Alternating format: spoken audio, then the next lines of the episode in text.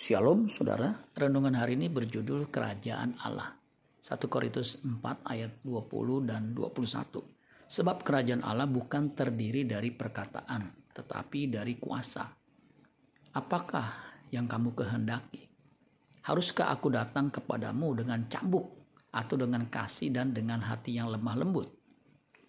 Terjemahan sederhana Indonesia 2, 1 Korintus 4 ayat 20 dan 21 dikatakan begini. Karena pekerjaan kerajaan Allah bukanlah soal perkataan manusia saja, tetapi soal kuasa yang diberikan oleh Allah. Jadi sekarang tinggal kalian pilih saja. Apakah kalian mau supaya saya datang dengan cambuk untuk mengatur kalian? Atau kalau kalian sudah taat, saya bisa datang dengan sikap yang penuh kasih dan kelembutan. Ketika saya kecil, ibu saya sangat strict mendidik dan mengajar kami anak-anaknya saya tahu betapa ngerinya jika beliau marah. Untuk itu, saya selalu berusaha taat dan tidak membangkang.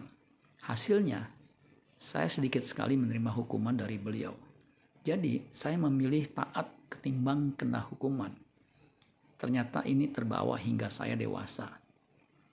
Secara umum, saya orang yang cenderung untuk mengikuti aturan yang ada. Saya hampir selalu taat dengan rambu lalu lintas, aturan dan peraturan awalnya tidak mudah menjadi orang yang compliant, yang patuh. Tetapi melalui pembiasaan diri hingga menjadi irama dalam hidup. Tuhan datang dengan lembut, Matius 11 ayat 28, 29. Pikulah kuk yang kupasang dan belajar padaku, karena aku lemah lembut dan rendah hati, dan jiwamu akan mendapat ketenangan.